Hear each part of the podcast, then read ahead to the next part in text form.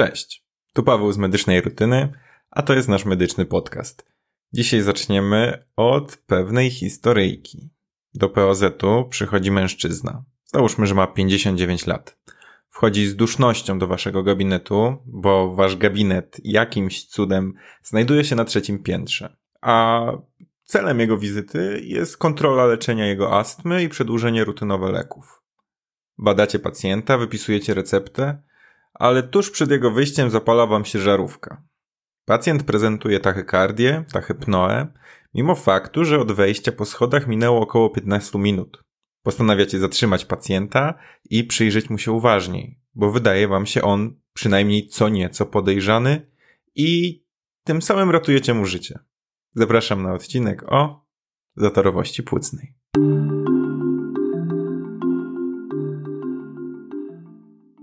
Porozmawiamy dzisiaj sobie o takiej chyba jednej z moich ulubionych chorób, jakkolwiek to brzmi, ulubiona choroba. Wiadomo, czy to takie do końca normalne stwierdzenie, ale prawda jest taka, że o zatorowości zawsze lubiłem się uczyć, lubiłem czytać.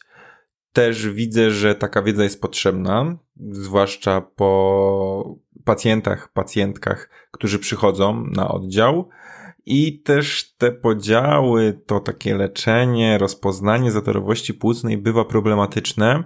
Także chyba warto, żebyśmy sobie o tym powiedzieli, oczywiście w skrócie, bo jeżeli byśmy chcieli mieć taką porządnie wyłożoną wiedzę, to wytyczne mają, uwaga, 60 stron i chyba nie damy rady o tym wszystkim wspomnieć. I taka jeszcze jedna myśl, mam takie wrażenie, że o tej zatorowości takim ludziom niemedycznym za bardzo się nie mówi. Mam takie, taką, e, taką wizję, że ja w wieku 18 lat, czyli tam jeszcze przed studiami medycznymi, to raczej nie słyszałem o takiej chorobie jak zatorowość płucna i mam też takie wrażenie, że widać to po rodzinach, pacjentach, którzy często tłumaczymy, jak ciężki jest to stan i o co w nim tak naprawdę chodzi. No dobra, to wróćmy do naszego pacjenta i zastanówmy się, dlaczego zagrożone było jego życie. Żylna choroba krzepowo-zatorowa obejmuje ZZG, czyli zakrzepicę żył głębokich i ZP, zatorowość płucną, którą będziemy się zajmować. Pamiętajcie, że zatorowość płucna, jak gdzieś tam czytacie, to po angielsku może być też skrót PE, pulmonary embolism. E, no i materiał zatorowy w krążeniu płucnym. Tego się możemy domyślić. Ale co on tam robi? Zaburza wymianę gazową. To robi, doprowadza do hipoksemii, stąd też tachypnoe, a przy przeciążeniu prawej komory, wzrostu jej zapotrzebowania na tlen, hipoksemia zdecydowanie nie pomaga temu organizmowi. W konsekwencji maleje dopływ krwi do lewej komory, spada rzut serca, ciśnienie, w konsekwencji może się rozwinąć nawet wstrząs i stąd też tachykardia. No i taka mała uwaga, wiadomo, masywna zatorowość płucna to takie akademickie zatorowość płucna typu jeździec, tak, czyli w rozwindleniu tętnic płucnych, doprowadzi do wstrząsu nawet u zdrowych osób. No ale pamiętajcie, że na przykład jeżeli ktoś już wcześniej chorował na niewydolność serca, ktoś ma obniżoną frakcję wyrzutową, to już mniejsza, mniejszy materiał zatorowy jest w stanie doprowadzić do niego do poważnych objawów, poważnego stanu i także wstrząsu, mimo że on jest dużo mniejszy. No i teraz, co może być tym materiałem zatorowym? Ja pamiętam, że zawsze nas uczyli, że to może być płyn owodniowy, różne takie rzeczy, ale w praktyce klinicznej, wiadomo, jest to raczej skrzeplina z żył kończyn dolnych i miednicy. Dlatego też ta zatorowość żył głębokich, kończyn dolnych zwłaszcza, E, kojarzy nam się z tą zatorowością płucną i gdy widzimy pacjenta, że na przykład jedna kończyna jest jakoś tak obrzęknięta i ma on duszność, no to już tutaj nam się zapala pewna lampka. Ale oczywiście zatorowość może też wystąpić u osoby, która nie jest obciążona w żaden sposób, nie ma tej jednej spuchniętej nogi, nie ma innych czynników ryzyka. Jakie są to czynniki ryzyka, które sprawiają, że u takich pacjentów to zatorowość będzie bardziej prawdopodobna. No to otyłość, palenie papierosów, żylaki kończyn dolnych, unieruchomienie, po udarach lub gdy założony choćby jest opatrunek gipsowy i tą kończyną nie da się za bardzo ruszać. I tutaj kojarzę, że często pojawiają się pytania na studiach o duszność u pacjenta po operacji wymianu, wymiany stawu biodrowego. To od razu podpowiadam, uwaga, uwaga, odpowiedzią poprawną zwykle jest zatorowość płucna. Odwodnienie i gorączka są także takimi stanami, które będą sprzyjały zatorowości. Choroby nowotworowe, tylko że one oprócz tego, że zwiększają ryzyko zakrzepowo-zatorowe, to zwiększają często także ryzyko krwawienia. Co jeszcze? Doustna antykoncepcja, hormonalna ciąża i tak naprawdę dużo, dużo więcej. Nie będę o tym wszystkim tutaj mówić. Myślę, że wymieniłem te, z którymi najczęściej będziemy się spotykać. Jeżeli chodzi teraz o objawy, bo już mamy pewne grupy pacjentów, których możemy się spodziewać zatorowości płucnej, no to jak ona jeszcze będzie się nam prezentowała? No, objawy są dość niespecyficzne i łatwo je zignorować. Na początku mówiłem o pacjencie, którego jedynym objawem było to, że się szybciej zmęczył. Do tego była to tachykardia i tachypnoe. No i czasami więcej nie mamy. Ale jeżeli zajrzymy do szczeklika i będziemy patrzeć na te e, objawy, które występują u pacjentów, to na pierwszym jest duszność, na pierwszym miejscu. Później bóle w klatce o charakterze opłucnowym. Jaki to jest ból opłucnowy? Taki, który nasila się przy ruchach oddechowych, skrętach tułowia, występuje zazwyczaj z boku klatki piersiowej, a położenie się na tym właśnie bolesnym boku przynosi ulgę. U połowy pacjentów występuje właśnie tachypnoe, tachykardia, a rzadziej zasłabnięcie, omdlenie, krwioplucie, objawy wstrząsu, czy też inne niespecyficzne objawy. Czyli nie jest to tak łatwo, żeby wskazać palcem na jakiegoś pacjenta i powiedzieć, o, on ma zatorowość płucną, dlatego mamy pewne narzędzia pomocnicze. A jakie to są narzędzia? No, ulubione badania laboratoryjne. O, istotne są tutaj dla nas w kontekście zatorowości dedimer, a także troponiny i peptydy natriuretyczne, które są podwyższone e, w momencie, w którym dochodzi do przeciążenia i uszkodzenia prawej komory. Tak, uszkodzenie to troponiny, przeciążenie peptydy natriuretyczne. W EKG mityczny S1Q3T3, czyli te odpowiednie, e, można powiedzieć, zwiększone wychylenia tych załamków, I ja powiem szczerze, że widziałem już parę razy u pacjentów z zatorowością płucną e, w ich EKG właśnie to S1, Q3, T3, czasami bardziej, czasami mniej wyrażone, ale faktycznie ono się pojawia. A z takich jeszcze typowych rzeczy, no to prawogram, blok prawej odnogi pęczka Hisa. No ale jak już EKG jest, to obok zawsze wspominamy też o echokardiografii. Takie dość charakterystycznie łączone mm, z echokardiografią przy zatorowości płucnej są dwa objawy. Jeden to objaw McConnella, czyli jest prawidłowa kurczliwość koniuszka prawej komory przy upośledzonej kurczliwości pozostałych segmentów. Jest też także objaw 60 na 60. Jest to skrócenie czasu akceleracji przez zastawkę płucną poniżej 60 milisekund i też echokardiograficznie oceniamy ciśnienie skurczowe w tętnicy płucnej, e, które też będzie poniżej 60, dlatego on się nazywa 60 na 60, tylko że tutaj milimetrów supertęci, a tam było milisekund, tak? Bo tam był czas akceleracji, tu mamy ciśnienie skurczowe w tętnicy płucnej. E, w echo zobaczymy także inne cechy przeciążenia prawej komory. Tam ważny jest też na przykład wskaźnik TAPSE, czyli ruch pierścienia trójdzielnego, ale oczywiście też nie mamy tyle czasu, żeby o tym wszystkim mówić. Co jeszcze z diagnostyki? No tak jak mówiłem, zwłaszcza, że ta zakrzepica żył głębokich często idzie w parze z zatorowością płucną, to właśnie USG żył głębokich robimy test uciskowy, e, oceniamy układ żylny i mamy już gdzieś tam taki punkt zaczepienia, punkt wyjścia tych skrzeplin i wiemy, że to się tam stamtąd wzięło. Ponadto, oprócz takiego dla naszej wiedzy e, badania, to jest to badanie, które pozwala rozpoznać zatorowość płucną. E, o tym nie wszyscy wiedzą zazwyczaj, ponieważ proksymalna zakrzepica żył głębokich potwierdzona w USG pozwala nam rozpoznać zatorowość płucną u chorych o niewysokim ryzyku zgonu. No i angioteka, tak? Czyli chcemy sobie wysycić te tętnice, zobaczyć, czy tam e, nie ma materiału zatorowego. używamy tutaj kontrastu i mimo, że to badanie pozwala nam bardzo dobrze ocenić tętnice płucne, ale też się często mówi, że ono jest dosyć nadużywane. Gdy mamy nieokreśloną duszność, już się myśli o tym, żeby zrobić to angiotyka. Są też takie badania o tym mówiące i też ten kontrast niebagatelnie wpływa jednak na, na, na nerki, na organizm naszych pacjentów i też oczywiście czasami A, nie mamy czasu, żeby go wykonać, albo gdzieś jest ograniczona dostępność, B, no nie możemy go wykonać właśnie przez te nerki, czy na przykład przez to, że pacjentka jest w ciąży.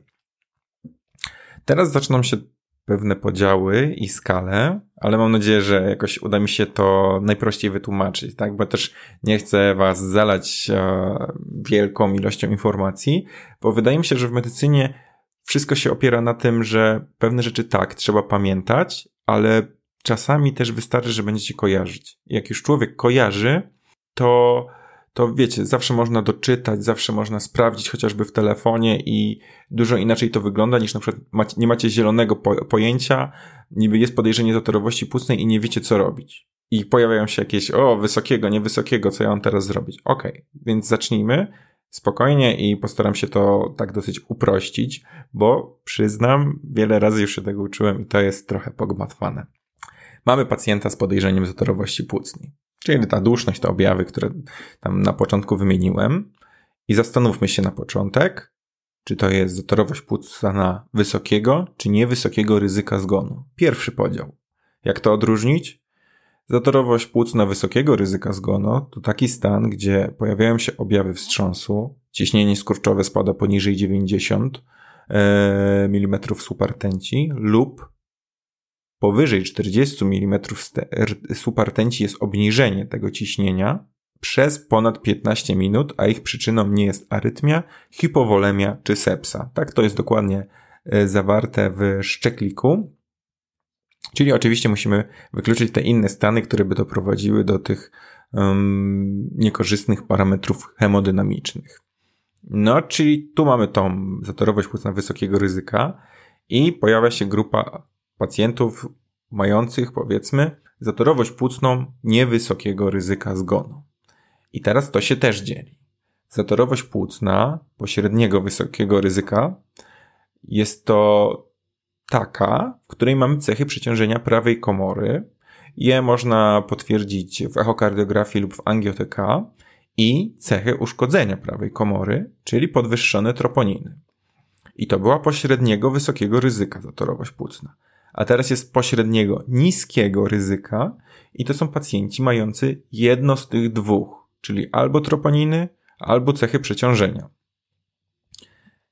I to było pośredniego, wysokiego, pośredniego, niskiego, a teraz zatorowość płucna niskiego ryzyka to pacjenci, e, to pacjenci nie mający cech ani uszkodzenia, ani przeciążenia prawej komory, czyli żadne, co było tam wyżej. Natomiast ich punktacja w skali S-PESI to 0, a w PESI poniżej 85. No i teraz się pojawia pytanie, co to jest to S-PESI i PESI? Są to skale, które oceniają rokowanie zatorowości płucnej. S-PESI jest wersją skróconą i zawiera wiek powyżej 80 lat, obecność nowotworu złośliwego, przewlekłą niewydolność serca, PAHP, tętno powyżej 110, ciśnienie skurczowe poniżej 100 i częstość oddechu powyżej 30, a także saturację poniżej 90% i za spełnienie każdego z tych warunków otrzymuje się punkt. Jak widzicie, nie jest tak łatwo mieć w tym SPSI 0 punktów. Tak, bo przypomnę jeszcze raz, zatorowość płucna niskiego ryzyka to w punktacji SPSI pacjent powinien otrzymać 0 punktów i wtedy może być zakwalifikowany do tej kategorii. Teraz, gdy mamy pacjenta niewysokiego ryzyka, czyli jeszcze raz, tego niewstrząsowego, niewysokiego ryzyka, powinniśmy określić kliniczne prawdopodobieństwo zatorowości płucnej.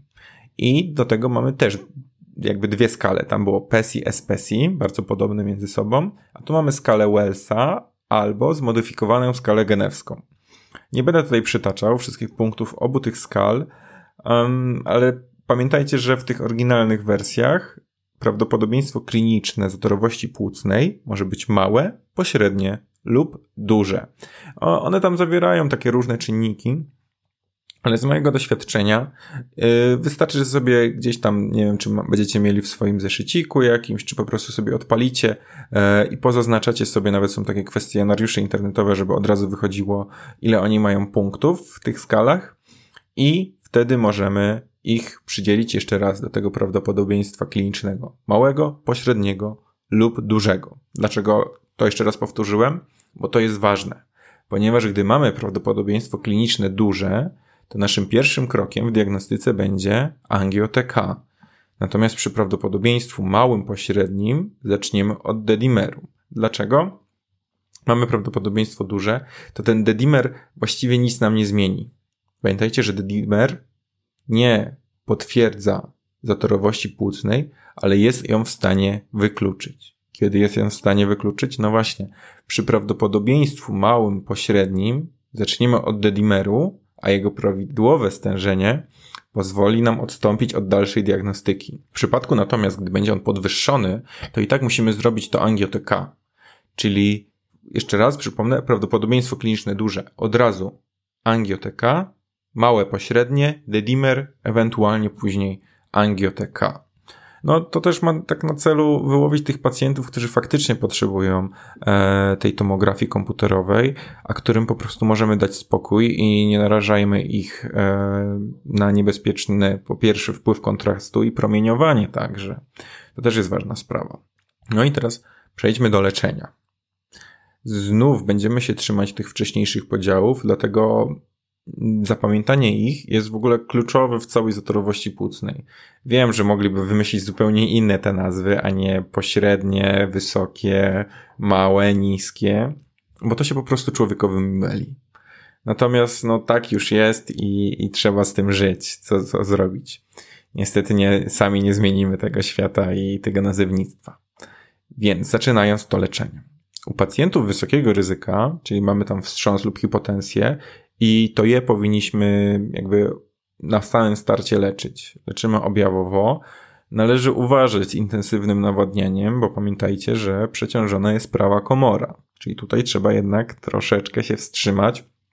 Wiadomo, że wstrząs, hipotensja, no takie stany, gdzie ta płynoterapia jest bardzo potrzebna, ale no trzeba jednak pamiętać, z czym my się tu mierzymy. Do tego rozważać y, możemy dobutaminę, noradrenalinę, y, także tlenoterapię, jeżeli pacjent ma saturację poniżej 90%. No i teraz właściwe takie leczenie ukierunkowane na tą zatorowość. Heparyna niefrakcjonowana. 80 jednostek na kilogram masy ciała to jest taka dawka nasycająca, a później podłączamy naszego pacjenta pod ciągły wlew pod kontrolą APTT. No i tutaj powiem, że ta pompa to jest żart. Serio, ta pompa to jest żart.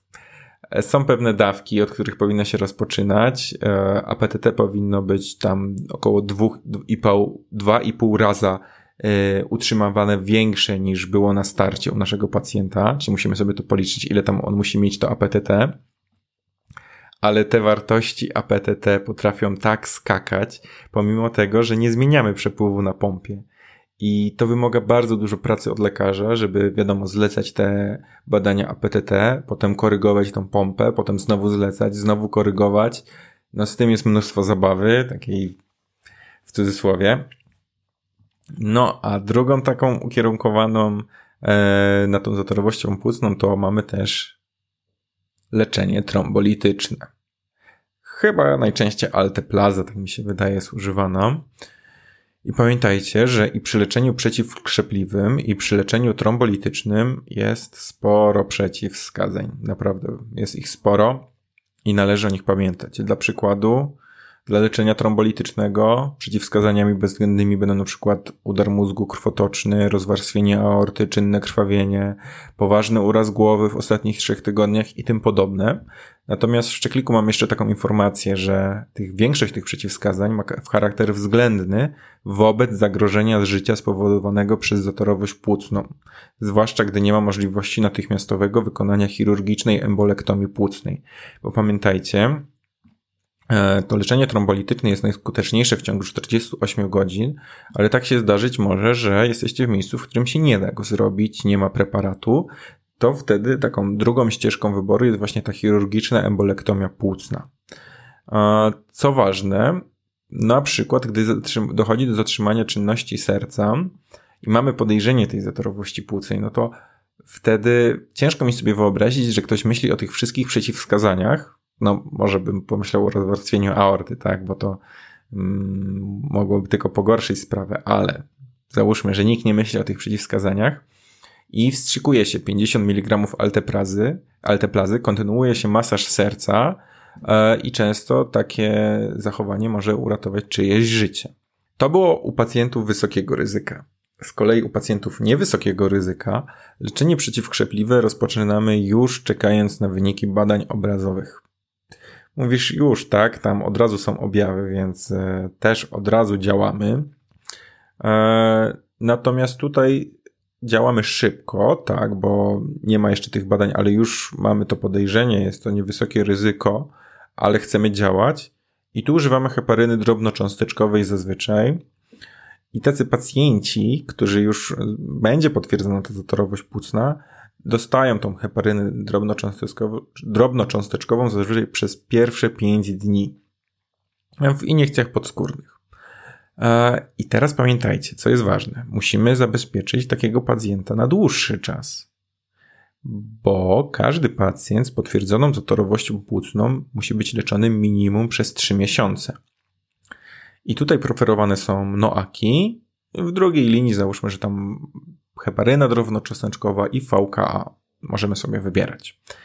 I ja byłem bardzo zdziwiony, bo też miałem pacjenta, którego musiałem wypisać na heparynie drobnocząsteczkowej.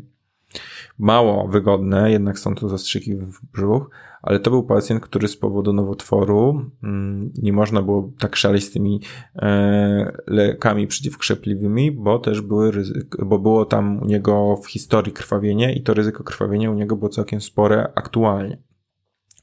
A inną sytuacją, w której będziemy wypisywać pacjenta na heparynie drobnocząsteczkowej, będzie wtedy, kiedy pacjent będzie ciężarną. Wtedy też nie możemy przecież podać ani noaków, ani VK, także zostaje właściwie tylko heparyna drobnocząsteczkowa. E, no i to jest ta profilaktyka wtórna, niezależnie od tego, jaka to była zatorowość. E, macie te trzy miesiące, to może ulec wydłużeniu, a także są tacy pacjenci, u których zatorowość płucna nawracała. I tacy często muszą przyjmować leki przeciwkrzepliwe bezterminowo. E, ogólnie, jeżeli chodzi o leki przeciwkrzepliwe, to pamiętajcie, że to jest oczywiście pewien rodzaj, znowu jak w medycynie, bilansu strat i korzyści. Pamiętajcie, że mamy ryzyko krwawień, ale oczywiście, jeżeli zmniejszymy dawkę przeciwkrzepliwą, no to ryzyko zdarzeń zakrzepowo-zatorowych i u każdego pacjenta trzeba to w jakiś sposób wypośrodkować. Myślę, że tutaj już nie będę przedłużał, bo chciałem też. Yy chcę od pewnego czasu, żeby te odcinki też nie, nie zajmowały Wam bardzo dużo czasu.